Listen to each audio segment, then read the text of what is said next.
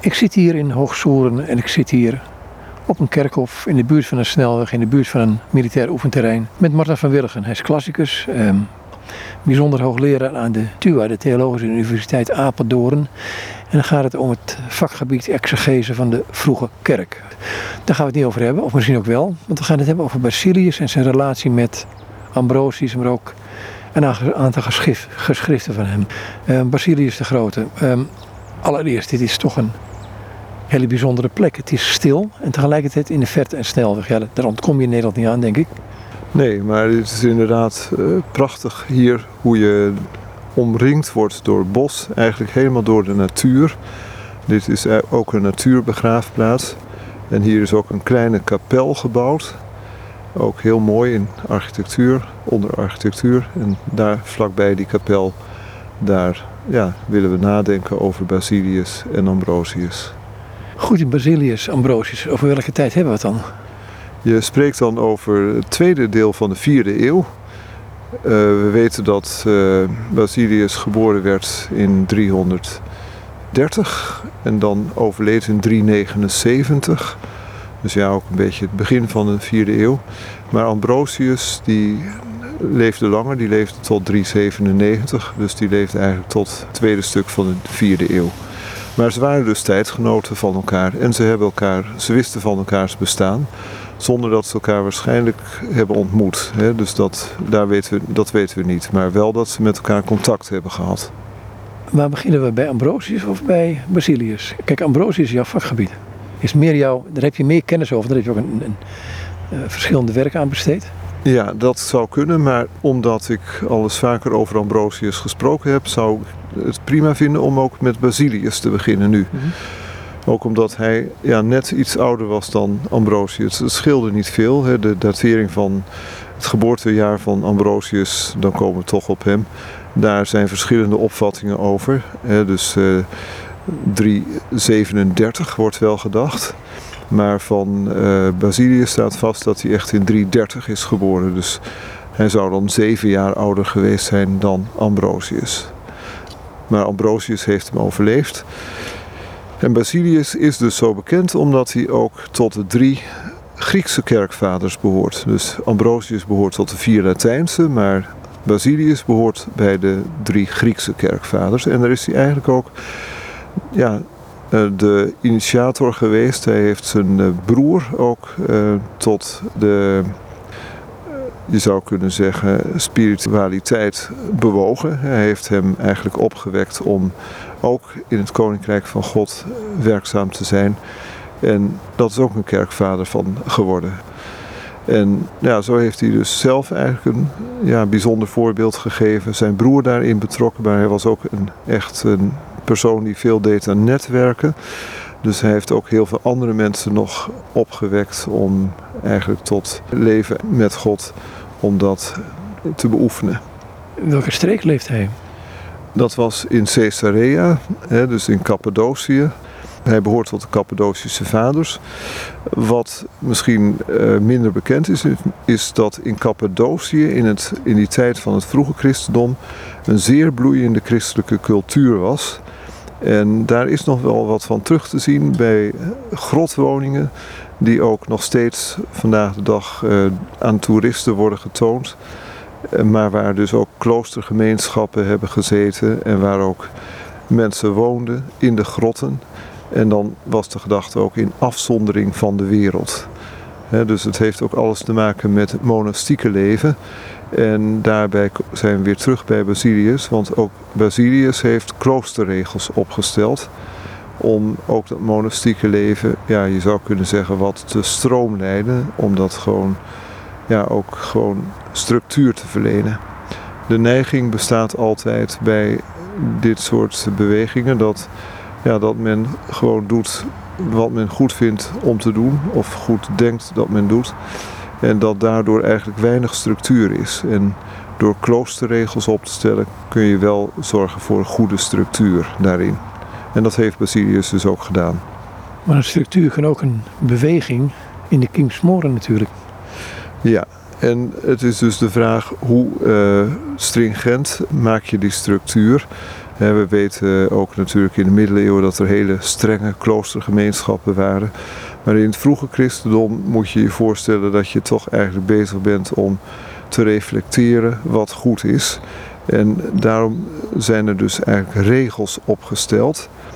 En die regels die, ja, die hadden de bedoeling om die monniken ook wat houvast te geven. Dus dan, als ik het heb over structuur, is het niet zeg maar een structuur die tot het laatste is dichtgemetseld, maar die houvast geeft.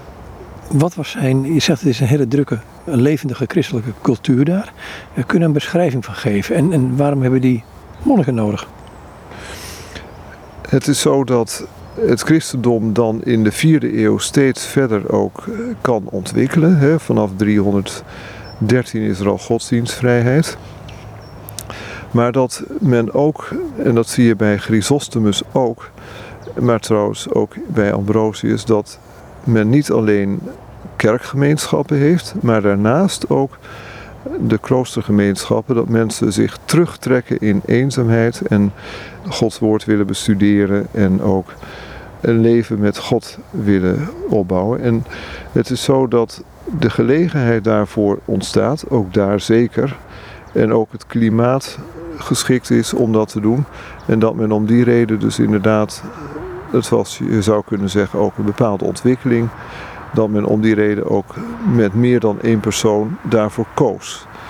In het algemeen werd ook door de kerkgemeenschappen heel positief aangekeken tegen mensen die ook dat deden. En ja, in Caesarea, waar uh, Basilius ook zat, daar had je die beweging ook. Zometeen kan ik nog iets meer erover vertellen waarom Basilius ook zo gegrepen werd door dat christendom. Nou, je mag het voor mij nu al vertellen, want je, je zegt het nu, dus het heeft weinig zin om iets te zeggen wat je dan over kwartier nog een keer wil zeggen. Maar vertel me waarom hij zo gegrepen is door. Ja. Want het christendom werd, begrijp ik het je woord, een beetje bon ton. Um, ja. Er was vervolging geweest. Um, je kreeg het conflict met de Donatisten is er daarna gekomen. De Arianen staken hun kop op, uh, of hadden hun kop al langer opgestoken. Um, hoe was dat in die setting? Kijk, het was ook zo je zegt eh, bonton, dat was zeker zo, maar ook een soort van keuzemoment. Dat was voor Basilius dus eigenlijk heel sterk. Want Basilius was eigenlijk geweldig goed getraind als redenaar in de retorica. Hij kon geweldig voordrachten houden enzovoort. Hij was dus ook daarvoor opgeleid in Constantinopel en in Athene. Dus je zou kunnen zeggen, het is eigenlijk iemand die alle papieren heeft om vervolgens een uitstekende redenaar te worden en een geweldige carrière te gaan opbouwen. Maar dan keert hij in 356 naar zijn geboorteplaats terug. Hij is dan dus 36 jaar. En dan vervolgens is het zo dat hij daar dus besluit om de wereld vaarwel te zeggen. Dus je ziet eigenlijk dat hij daar een radicale keus doet. Dat hij dan wordt gedoopt en vervolgens gaat hij een reis maken. Wat we tegenwoordig ook zien bij jongeren die gaan Europa verkennen, die gaan een reis maken. Maar dat doet hij ook. En bij die uitgebreide reis die hij maakt, komt hij bij asceten, dus ook bij monniken, terecht in Syrië, Palestina. Maar hij gaat helemaal naar beneden, dus hij komt ook in Egypte terecht en zelfs in Mesopotamië. Dus hij laat zich helemaal als het ware meenemen door die bewegingen. Hij, hij zoekt ze op, hij gaat kijken hoe dat allemaal is. Hij zondert zich echt helemaal van de wereld af. En daarna is ook de behoefte om dat blijvend te doen. Dus daarom zoekt hij met een paar vrienden de eenzaamheid van Pontus op. En dan gaat hij dus samen met Gregorius van Nazianze, met wie hij in Athene vriendschap had gesloten, gaat hij dan ook monniksregels op, opstellen. En hij laat zich dan ook heel sterk beïnvloeden door het monniksleven in het oosten. Maar, dat is vaker zo, dan is het zo dat vervolgens zijn talent wordt ontdekt en dat hij in 370 wordt benoemd tot bisschop van Caesarea. Dus eigenlijk zie je dan dus dat uit de kweekvijver van dat ascetische leven dat daar weer bepaalde mensen worden teruggehaald ook naar de kerkelijke structuur of naar hè, de kerkelijke gemeenschap. Dat is trouwens ook gebeurd bij Chrysostomus. Hè. Die zat ook eerst in het kloosterleven en die is ook later weer teruggehaald naar de kerk. Maar dat is dus bij Basilius ook gebeurd. Dat Caesarea waar hij vandaan komt, eh, waar ligt dat? Ja, dat ligt uh, in het huidige Turkije. Je hebt meerdere Caesarea's, maar uh, dat, dus het gebied waar nu ook dus inderdaad al die grotwoningen zijn. Daar is dat Caesarea. Ja. Wat is zijn relatie naar, want daar gaat het hier in dit gesprek over. Wat is zijn relatie op een gegeven moment naar Ambrosius toe? En dan moet ik toch eerst naar de Arianen toe, denk ik. Uh, want wat is het Arianisme wat toen de kop opgestoken had? Ja, dat is uh, samen te vatten als dat Arius eigenlijk een soort van tegenspeler was van Athanasius. In Alexandrië is dat conflict dus heel duidelijk gevoerd, maar daarna ook met uitstraling naar de rest van Europa. Waarbij Arius dus een heel andere opvatting had over uh, Jezus als zoon van God dan Athanasius. Dus daar zit eigenlijk de, de kern van het conflict. Dus eigenlijk was het zo dat als unieke zoon van God, wat Athanasius vasthield, dat Arius daar niet mee kon instemmen. En dat hij dus eigenlijk wat dat betreft een heel, ja, heel andere, menselijker visie had, om het zo maar te zeggen. Maar daarmee ook weer het gevaar liep om de goddelijke kant van Jezus, hè, om die eigenlijk dan onder te belichten of zelfs te ontkennen. Dat zou een consequentie daarvan kunnen zijn. Dus daar heeft Athanasius zich enorm tegen gekant. En meerdere met hem. En onder andere inderdaad ook uh, Basilius. Maar Athanasius, dat is heel interessant, heeft ook met Basilius via brieven contacten gehad. Dus ze hebben met elkaar ook over allerlei dingen gecommuniceerd. En zo zou je kunnen zeggen dat in die tijd, dus dat er ook wel een, uh, ja, een bepaalde relatie was tussen mensen die ook het zoonschap van Christus uh, absoluut uh, voor 100% wilden vasthouden. En op die manier ook contact met elkaar zochten om dat ook duidelijk te maken en ook vast te leggen in besluiten. En dat is dus inderdaad gebeurd in 381 bij het concilie van Aquileia. Dat heeft Ambrosius toen georganiseerd. Maar daarmee is het heel duidelijk vastgelegd. Hè? Dus het zoonschap van Christus, maar ook zijn goddelijke natuur. Even kort samengevat, hè, er valt nog veel meer over te zeggen, maar dit is eigenlijk de kern. Dit kan ook het raakvlak zijn tussen eh, Ambrosius en Basilius. Uh, Basilius.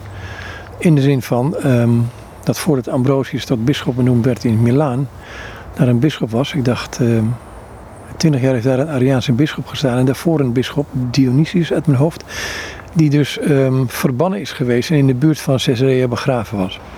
Precies, en het is dus opmerkelijk dat Basilius ook heel goed aanvoelt dat Ambrosius uh, ook dat zoonschap van Christus helemaal erkent en ook zijn goddelijke kant.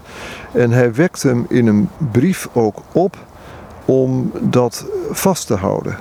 En dat is heel opmerkelijk, want het is zo dat die Dionysius was eerst inderdaad in Milaan bisschop, maar werd vervolgens verbannen naar het oosten dus men slikte dat niet meer, eigenlijk die orthodoxe opvattingen.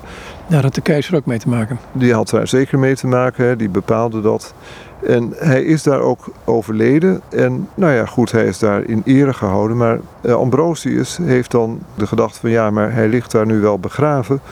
Maar hij hoort eigenlijk hier, want hij is hier bisschop geweest. En ja, ik zal vragen of zijn overblijfselen ook weer teruggebracht kunnen worden naar Milaan. En dat doet hij in die brief. En dan krijgt hij dus vervolgens een brief terug, die hebben we over van Basilius. En in die brief die over is van Basilius, daar geeft Basilius aan: prima, dat is goed. Uh, ik, wij zullen het lichaam ook weer terugsturen naar Milaan. Maar hij laat het daar niet alleen bij. Hij geeft ook aan dat hij ontzettend blij is dat Ambrosius bisschop is geworden. En hij zegt dan ook, hij wekt Ambrosius eigenlijk op. Je hebt, de brief bij, je hebt een deel van die brief bij je vertaald, hè? Ja, die heb ik inderdaad vertaald. En eh, ik vind het ook bijzonder, die inhoud heeft me echt geraakt. Want hij roept dus Ambrosius op, hij wekt hem op en spreekt hem aan als man van God. Hè? Dus hij ziet echt wel heel erg sterk het belang in van ook die bisschopsfunctie, maar ook wat hij op die plaats kan bereiken. En hij zegt dan tegen Ambrosius: Kom dan, o man van God, niet van mensen hebt u het evangelie van Christus ontvangen of onderwezen. Het is de Heer zelf die u van de rechters van de aarde naar de troon van de apostelen heeft overgeplaatst. Strijd de goede strijd, genees de zwakheid van het volk. Als er zijn die besmet zijn door de ziekte van de Ariaanse waanzin. Vernieuw de oude voetstappen van de vaders, of de oude voetsporen van de vaders. U hebt het fundament van genegenheid voor mij gelegd. Tracht daarop voor te bouwen door de frequentie van uw begroetingen. Zo zullen wij in staat zijn elkaar in de geest nabij te zijn, hoewel onze aardse woningen ver van elkaar verwijderd zijn. Ja, ik vond het wel opmerkelijk. Die enorme verbondenheid op afstand, maar ook dat hij precies weet eh, wat de taak is voor Ambrosius, wat hem te doen staat. En dat geeft hij hier dus heel duidelijk aan. Ja, maar hier komen bij mij ook een paar vragen naar boven toe. En dat heeft te maken met Ambrosius. Er is vaak zo'n, wordt er een soort heilige plaatje van hem gemaakt. Ehm, hij is tegen zijn wil hij eh, tot ehm bisschop benoemd van Milaan. Ehm, hij moest zich nog laten dopen. Het lijkt mij, als ik dit zo lees, dat hij veel meer wist van het christen zijn, het christendom, dan ehm, je in de populaire verhalen vaak hoort. Ja, dat denk ik ook zeker. Ook moet je je voorstellen dat een zus van Ambrosius is dus ook, Marcelina, die is dus ook inderdaad eh, non geworden in Rome. Dus de familie was ook heel serieus bezig. En hij beroept, Ambrosius beroept zich ook op een voorvader, of moeder eigenlijk, die ook eh, dus heel erg ging voor het christendom. Dus hij stond wel echt in een familie en in een traditie waar het christendom actief eh, een rol speelde. En dat blijkt ook weer uit deze brief, dat hij is echt, Basilius is echt blij met deze benoeming. En dat betekent dat Basilius waarschijnlijk ook meer geweten heeft, misschien nog wel meer dan wij. En dat is dus heel boeiend, omdat deze brief is ook maar heel recent geschreven nadat Ambrosius benoemd is. He, dus het kan in 374 zelf geweest zijn toen hij benoemd werd, of in 375. Maar hoe dan ook, uh, Basilius die is vol vertrouwen dat Ambrosius dat op goede manier zal doen. Ik denk dus ook als ik dit allemaal goed lees, dat hij meer heeft geweten. Inside information die wij dus niet meer kennen, maar die hij wel ge gehad heeft. He, zoals ja, dat vaak is in de tijd zelf, weten mensen precies van de tijdgenoot wat hij of zij betekent. Dus in, in de, wat we tegenwoordig de achterkamertjes noemen van de politiek, daar was wel het nodige besloten richting Ambrosius. Uh, nou, het was de, de cruciale vraag was: gaat Ambrosius ja zeggen? Want dat was van tevoren natuurlijk toch maar een vraag. Want om dan van het een naar het andere over te stappen, dan was dat dus eigenlijk toch wel een uh, hele, hele stap. Maar hij heeft dat dus inderdaad gedaan. En daarmee uh, waren degenen die wel wisten wie Ambrosius was, heel dankbaar. Ja, dat, dat blijkt uit, uh, uit deze brief ook van, uh, van Basilius. Hij zegt dan aan het begin, hè, dat, vind ik ook, dat geeft ook aan dat hij kennelijk meer weet. Ik heb God de eer gegeven, hè, dus dat zegt hij. Ik heb God de eer gegeven die in ieder geslacht hen uitzoekt die hem welgevallig zijn, die van oudsher uit de schaapskooi een vorst voor zijn volk heeft uitgekozen. En hij zegt dus eigenlijk, God die heeft Ambrosius daar neergezet. En dan gaat hij daar verder op in, die nu uit de keizerlijke stad een man heeft voortgebracht om voor de kudde van Christus te zorgen, aan wie de regering van een heel volk is toevertrouwd, die verheven in karakter, in afkomst en positie en welsprekendheid is in alles wat deze wereld bewondert. Maar dezezelfde man heeft alle voordelen van de wereld van zich afgegooid en ze alles als verlies gerekend, opdat hij Christus gewinnen zou. Hij heeft het roer van het schip, groot en beroemd om zijn geloof in God, de kerk van Christus, in zijn hand genomen. Dat uh, wat hij daar eenvoudig schrijft, groot en beroemd om zijn geloof in God, dat is dus kennelijk doorgedrongen, ook in het Verre Oosten. dus hij, heeft, hij zegt van kijk, iemand die zo radicaal zijn carrière beëindigt en ervoor kiest om uh, dan de kerkelijke weg te gaan, ja, dat is een bijzonder iemand. Zo moet je dat zien. Die is op een bijzondere manier dus inderdaad geroepen door God om herder voor de kudde van Christus te zijn. Zo ziet hij dat. Maar goed, die bisschop die hij opvolgde, dat was een had de steun van de keizer. Hoe zat het naar hem toen, die steun van de keizer? Kijk, Ambrosius had sowieso al een heel gezag opgebouwd in zijn wereldlijke carrière. Zo moet je dat zien. En die stond gewoon heel positief bekend. Dus dat hij nu wel van een roeping veranderde, maakte nog niet dat hij als persoon direct anders werd gezien. Men wist wat, wat men aan hem had. Dus dat vertrouwen dat men in hem had, ook de keizers, eh, dat zal door die verandering niet veranderd zijn. dat zal waarschijnlijk gelijk gebleven zijn.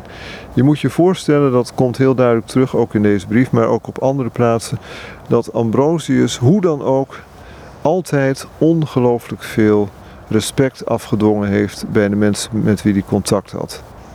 Ehm, dus die, hij werd geaccepteerd door de, um, door de machthebbers, om het zo maar te zeggen, uh, Ambrosius. Um, ik ga terug naar uh, Basilis, want daar zouden we het over hebben. Die heeft een aantal. Um, want je hebt, een, je, hebt een, uh, je van Basilis heb je een aantal, een aantal homilieën of uh, preken vertaald.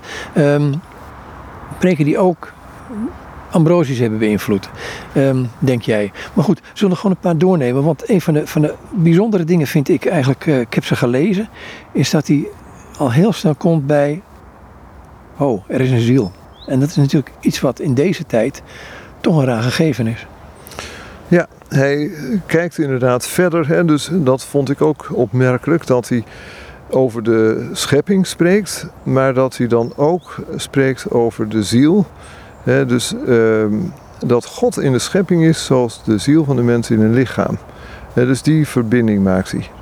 En ja, dat is toch wel een heel mooi beeld, als je het zo mag zeggen. dus uh, kijk, ik trek het beeld een beetje door. Uh, zonder ziel, dan, ja, dan houdt het lichaam ook op te bestaan. Dan, dan kan het eigenlijk, die ziel is eigenlijk de, ja, wat we ook zeggen, wat datgene wat het bezielt, wat het eigenlijk helemaal ook tot leven brengt. En zo is God ook in die schepping bezig. Hij heeft geschapen, maar hij onderhoudt die schepping ook. Hij is eigenlijk de drijvende kracht, in alle eerbied gesproken, achter die schepping. Hoe begint hij over die schepping? Want hij leefde in een tijd waarin het Griekse denken uitbundig aanwezig was. En ook bij de Grieken vind je al uh, iets als je wat je dan misschien het mechanisch wereldbeeld mag noemen.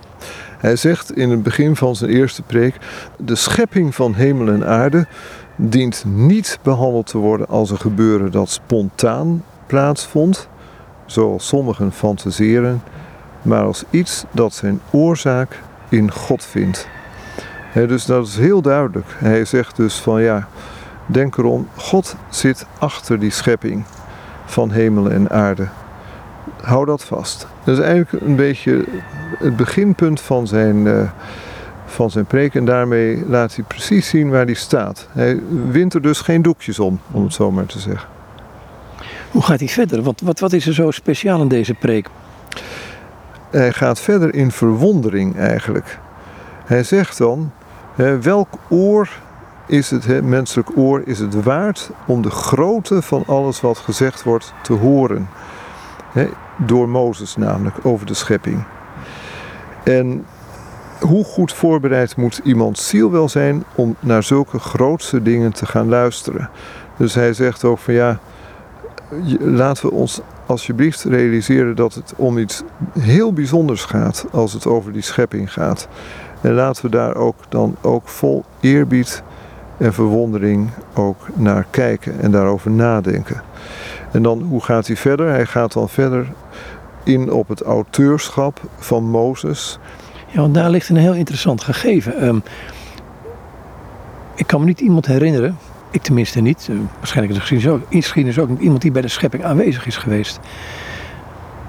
Dus je zou denken dat een Mozes die God van aangezicht tot aangezien heeft, gezicht heeft gezien, tenminste zo lees ik in de Bijbel, tenminste die suggestie wordt gewekt, dan is Mozes wel heel speciaal. Ja, hij gaat inderdaad in op Mozes als een bijzondere autoriteit. inderdaad, wat je zegt, dat hij dat contact heeft gehad. Het spreken van mond tot mond. dus eigenlijk heeft God aan Mozes heel veel toevertrouwd wat hij aan anderen niet toevertrouwde. En omdat dat in het leven van Mozes geweest is, moet je daarom extra veel respect hebben voor Mozes, ook als hij spreekt over andere dingen zoals deze schepping. En dat is eigenlijk wat Basilius vraagt van zijn luisteraar. Om dus uh, heel, zich heel bewust te zijn van de bijzondere autoriteit die Mozes geniet. En dat vond ik ook weer, weer heel erg mooi, omdat in de Joodse traditie wordt ook Mozes altijd heel sterk naar voren gebracht. Als zijn een hele belangrijke zegsman ook vanwege dat contact met God en ja, de legislatie, de wetgeving en alles wat hij heeft gedaan ook in het besturen van het volk. Maar je ziet dus dat Basilius, ook al is Basilius dus christen, dat hij ook dat gezag van Mozes heel sterk eh, benadrukt en dat hij dat ook laat staan. Dat hij daar dus heel veel waardering voor heeft. En ook mensen probeert bewust te maken van de grote waarde van wat Mozes zegt. Als je naar de eerste vijf boeken van Mozes gaat kijkt, dan heeft hij toch behoorlijk wat neergeschreven. Als hij dat alleen gedaan heeft. Dat is inderdaad een heel uh, corpus. En uh, het is ook zo dat daar natuurlijk heel veel over te zeggen valt. Ook uh, wat betreft de opbouw. maar het boek Genesis, en daar wordt ook het scheppingsverhaal verwoord dat is uh, als boek op zich in de vroege kerk ook heel veel uitgelegd. En dit uh, boek van Basilius over de zes scheppingsdagen, dat pakt dan dus eigenlijk het hele Genesis-verhaal om dat vervolgens uit te leggen. Hij, Ambrosius, maar ik begrijp ik jouw tekst, uh, put daar ook uit Philo van Alexandria. Alexandrië, een Jood uit die tijd, die leefde gelijktijdig met Jezus, hebben elkaar niet gekend, zover we weten. Ambrosius heeft uh, inderdaad ook, hè, dus dan gaat het even over wat heeft Ambrosius dan precies gedaan. Die heeft deze preken van Basilius eigenlijk overgenomen en bewerkt. Hè, dus hij heeft er ook wel zeker zijn eigen stempel op gezet. Maar Ambrosius heeft vervolgens bij de uitleg van het boek Genesis zich niet meer op Basilius gebaseerd, maar zich vooral gebaseerd op Philo van Alexandrië. Uh, daar kunnen verschillende redenen voor geweest zijn. Uh, Basilius is namelijk behoorlijk vroeg overleden. Die is uh, eh, 49 geworden. Dus hij heeft zelf over de rest van Genesis niet zoveel geschreven. Of ja, misschien tussendoor nog een keer in een brief of zo. Maar niet een speciaal traktaat. En eigenlijk was het zo dat Ambrosius dus als het daarover ging niet uit Basilius kon putten, omdat er niets was. Dus hij heeft toen vervolgens zich georiënteerd. En omdat Philo van Alexandrië als Joodse exegeet wel zich heel sterk heeft gericht op de exegese van Genesis, heeft Ambrosius dus dat ook gedaan. Heeft hij dus eigenlijk wat het vervolg betreft zich met name gericht op Philo van Alexandrië. Dat is dus heel duidelijk te zien. Ja hoe gaat het verder in zijn preek? Want um, hij zegt, in het begin zei hij van, uh, van deze preek, zei hij van ja, het is niet zomaar uh, spontaan begonnen, maar er zit een gedachte achter deze Ja. schepping. Kijk, het, je snapt ook wel, hè, hij was door het Griekse denken behoorlijk beïnvloed. Hij heeft jarenlang in Athene op de redenaarsschool gezeten. Dus hij kende de filosofie van de Grieken ook door en door. En ook was het zo dat in grotere stedelijke centra, zoals Caesarea bijvoorbeeld ook, of eh, Constantinopel, eh, noem het allemaal maar op, maar daar waren de filosofenscholen sterk vertegenwoordigd. En je kon daar dus eigenlijk ook niet omheen. En daarom is het zo dat Basilius de moeite neemt, ook in deze preken, om de natuurfilosofie en de Griekse filosofen, om die allemaal inderdaad uh, te noemen en ook op hun stelsels in te gaan. En dat doet hij eerst, ja, je zou kunnen zeggen, eerst wat samenvattend, maar wat meer aan het eind van zijn traktaat gaat hij er nog wat dieper op in. Hij zegt wel over die systemen die er geweest zijn. We hebben de natuurfilosofen die dachten over ja, water als oerbeginsel of vuur als oerbeginsel. Maar hij zegt er wel over dat dat soort denksystemen, dat die toch elke keer weer onderuit gehaald worden door een ander systeem. dus eerst is het zo dat men dan met het ene systeem denkt alles te kunnen vatten, maar vervolgens blijkt dan nee, dat is niet zo. Dus het ene systeem onderbouwt of haalt het tweede systeem onderuit en daarmee zegt hij ja, eigenlijk houdt dat dus geen stand. En dan zegt hij, en dat vond ik ook opmerkelijk, omdat ze God niet kennen. Hij zegt niet omdat ze niet een God, maar hij zegt heel duidelijk omdat ze God niet kennen, accepteren ze geen intelligente oorzaak van de wording van alle dingen. Heel interessant, ze accepteren geen intelligente oorzaak van de wording van alle dingen. Dus eigenlijk heeft hij daarmee ook aangegeven hoe hij de rol van God ziet. Hij is de intelligente oorzaak van de wording van alle dingen. Hij zit erachter. God zit achter de schepping. Dat is eigenlijk wat hij naar voren brengt. Maar goed, dan hoor ik mensen uit deze tijd zeggen: ja, het is wetenschappelijk nou, bewezen, wil ik niet zeggen, maar goed, allerlei wetenschappelijke aannames.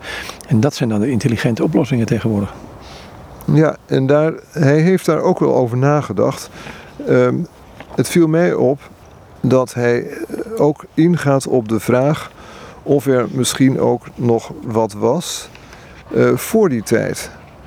Hij zegt dan in, uh, het, in het vijfde hoofdstuk: Er was immers iets, zoals het lijkt, ook al voor deze wereld.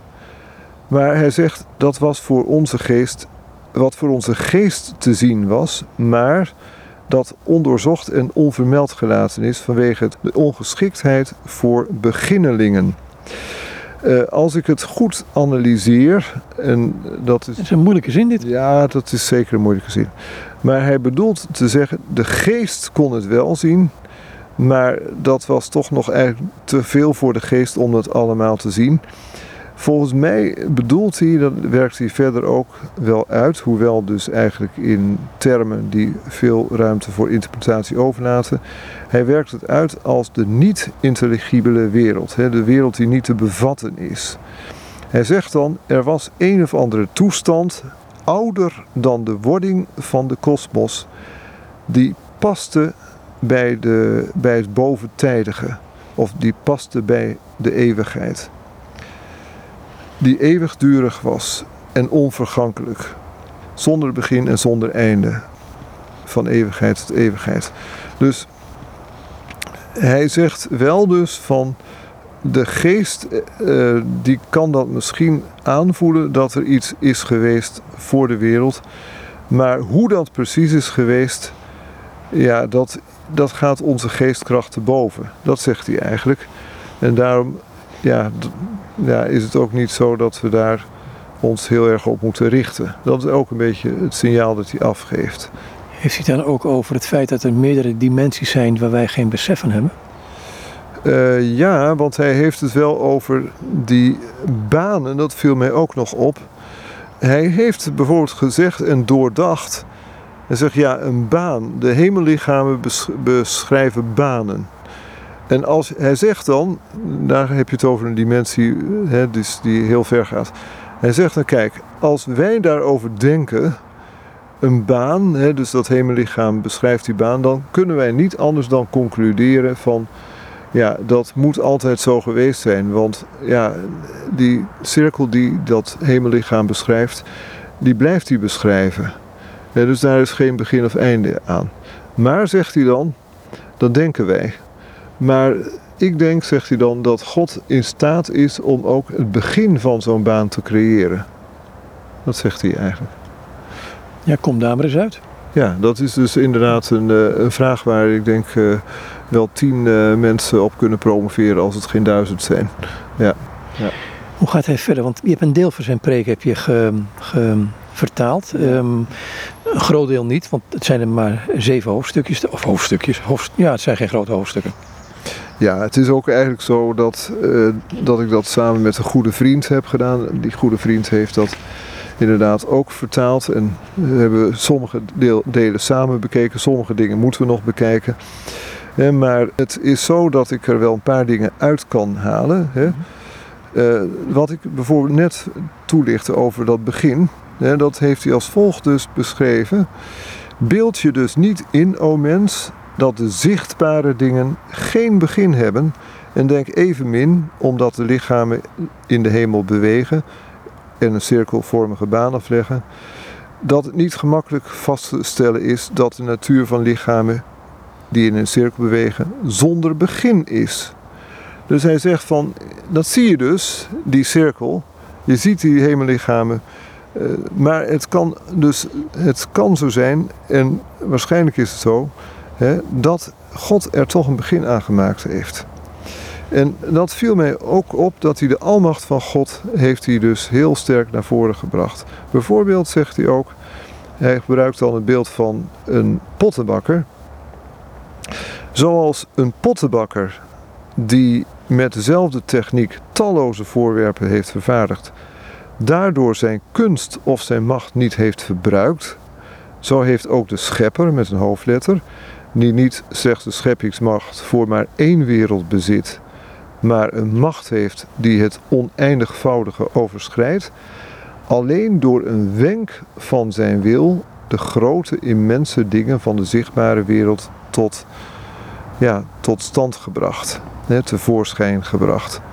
Wat je ziet, je kunt daarvan vinden wat je wilt, maar je ziet, hij zegt eigenlijk, God die is zo oneindig groot en almachtig, die staat volledig boven uh, alles wat wij zien. Dus ook al zien wij in de huidige tijd allemaal hemellichamen, allemaal sterrenstelsels die wij niet kunnen begrijpen met ons hoofd, met ons verstand, dan zegt hij eigenlijk, dat vind ik dus vanuit de vroege kerk een hele duidelijke troost, maak je daar maar geen zorgen over, want God staat daar oneindig ver nog boven.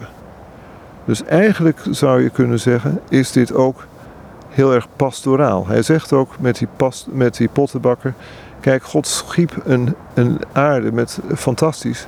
Maar daarmee heeft hij zeg maar, zijn vaardigheid heeft hij niet opgebruikt.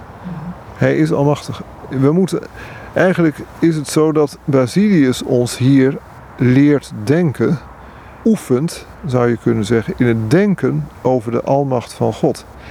Die almacht van God die stijgt dus nog ver uit boven onze vaardigheden van waarnemen, uh, beredeneren en conclusies trekken. Terwijl het feit dat wij kunnen nadenken wel een hele belangrijke is.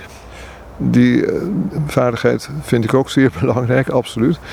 Maar hij, dat is dus het mooie van Basilius. Hij gooit dat niet weg. Dat doet hij zeker niet.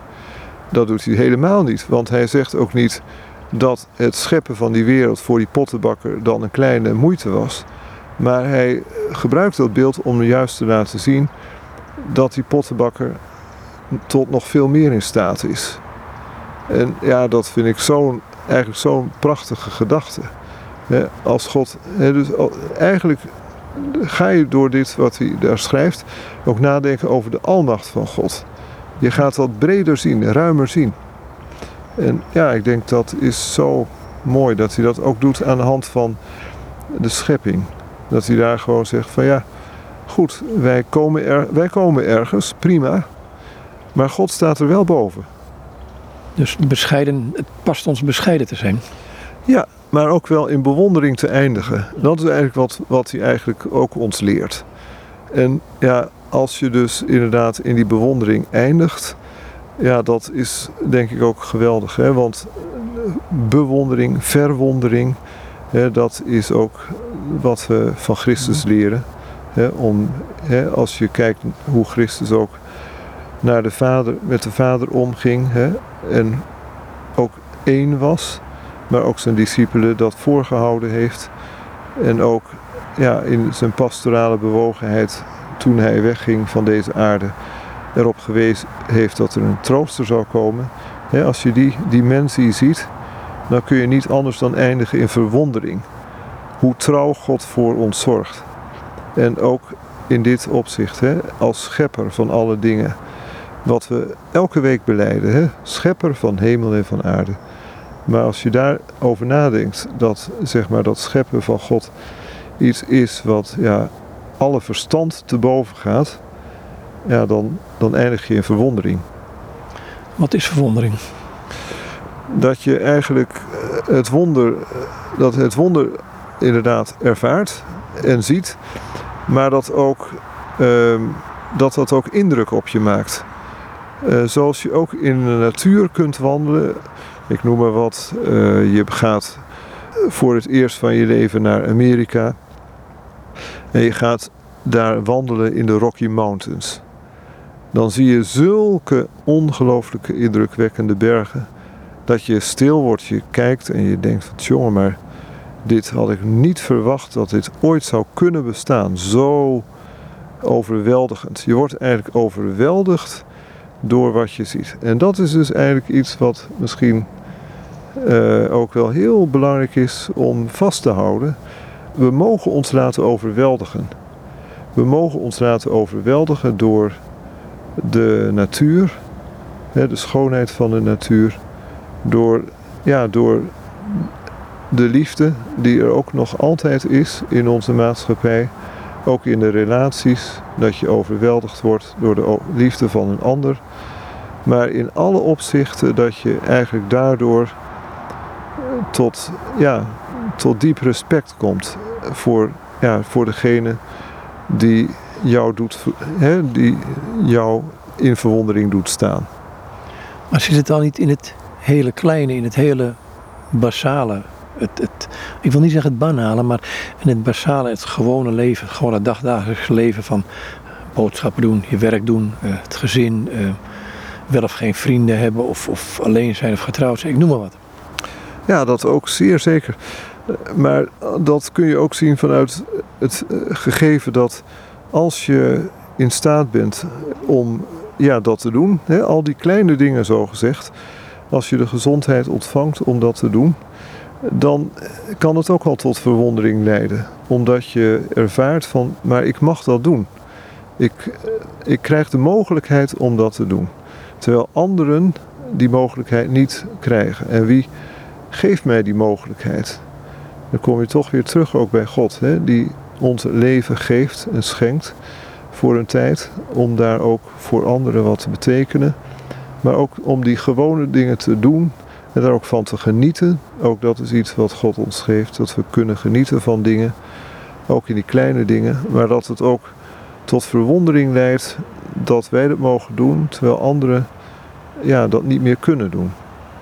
Ja, maar dan zit je twee dingen tegenover elkaar. Uh, mensen die het wel kunnen, mensen die het niet kunnen doen. Maar ik kan me voorstellen dat je in situaties bent uh, waarin het leed zo'n over de overhand krijgt en die verwondering wel ver te zoeken kan zijn. Of heb ik het dan mis? Dat kan zeker, maar het, uh, kijk, geen situatie is gelijk.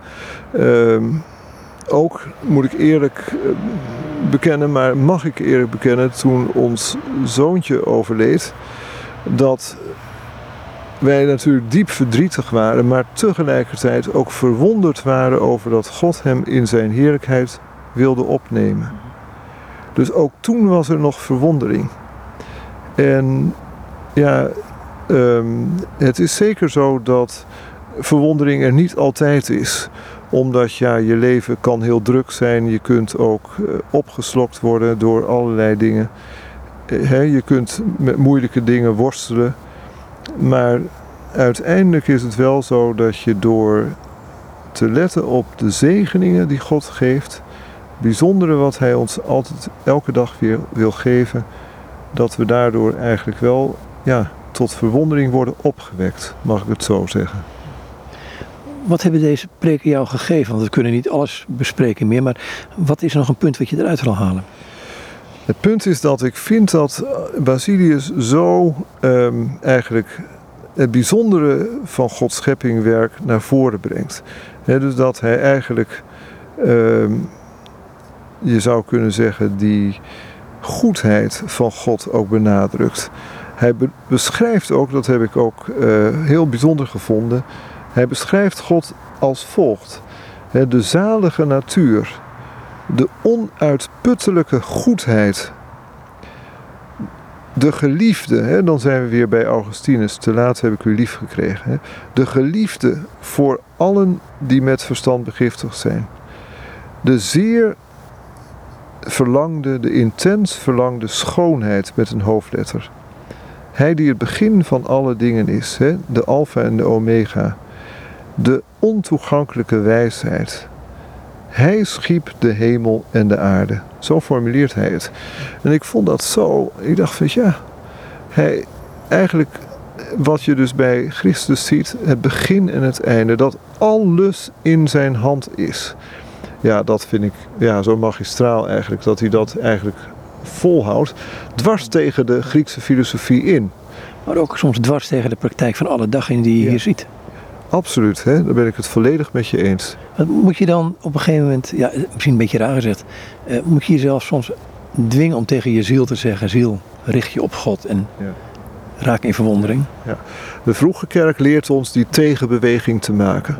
dus niet alleen maar te zien op eh, alles wat ons hier omringt. Chrysostomus zegt het ook zo vaak en regelmatig, maar Basilius ook.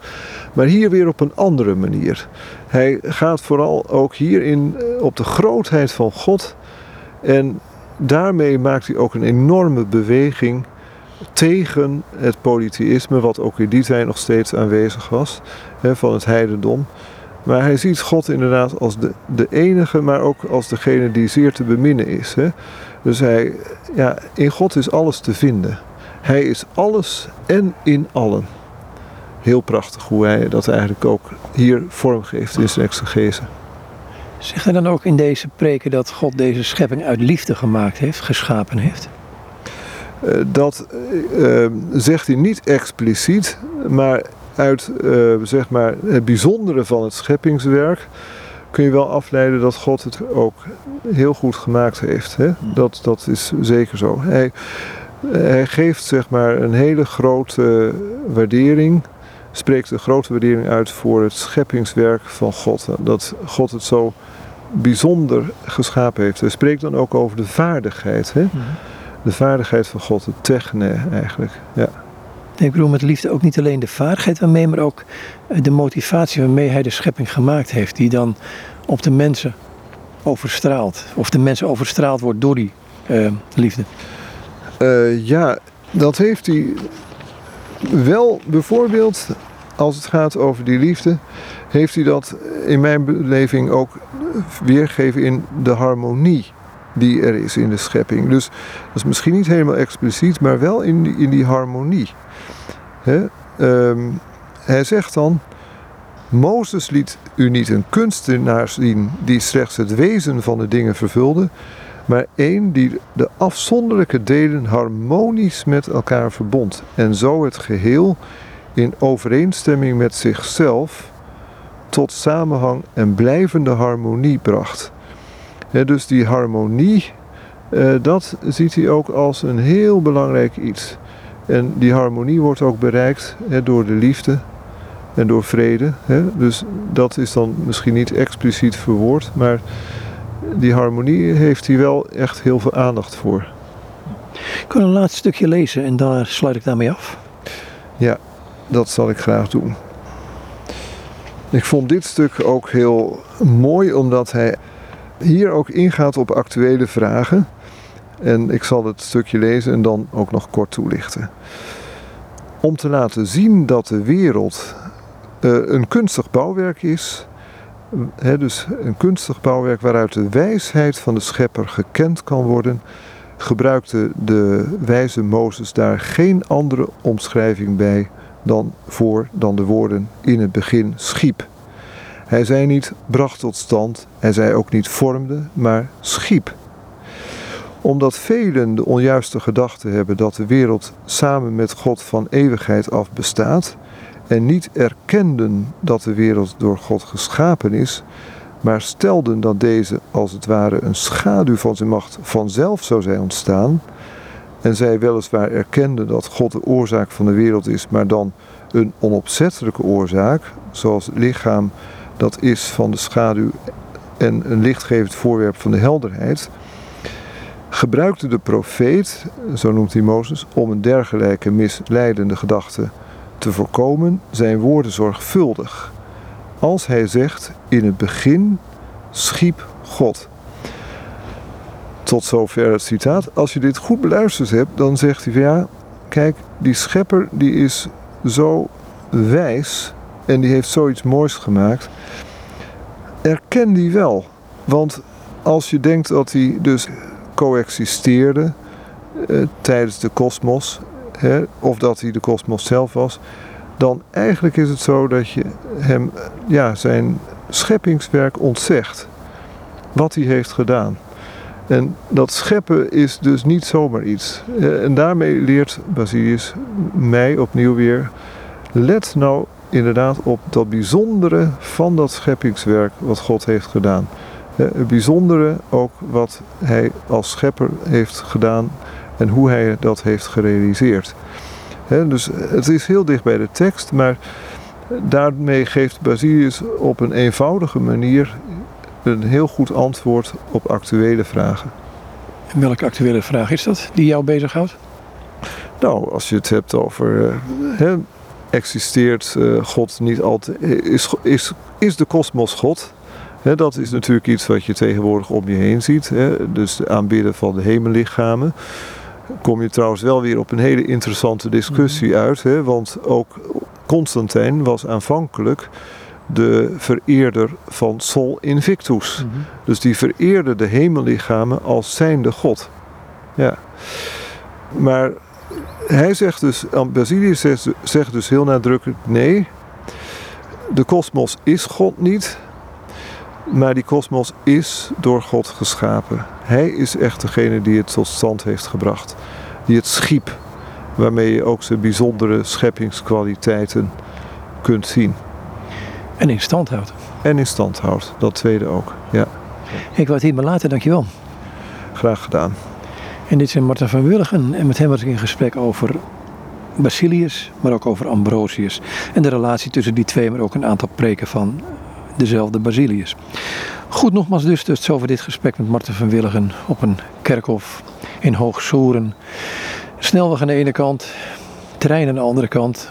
Rijden auto's langs, er is een bladblazer bezig zo af en toe. Maar goed, we zitten hier op een stil kerkhof, gek genoeg, omgeven door geluid. Goed, nogmaals dus, tot zover dit gesprek met Marten van Willigen.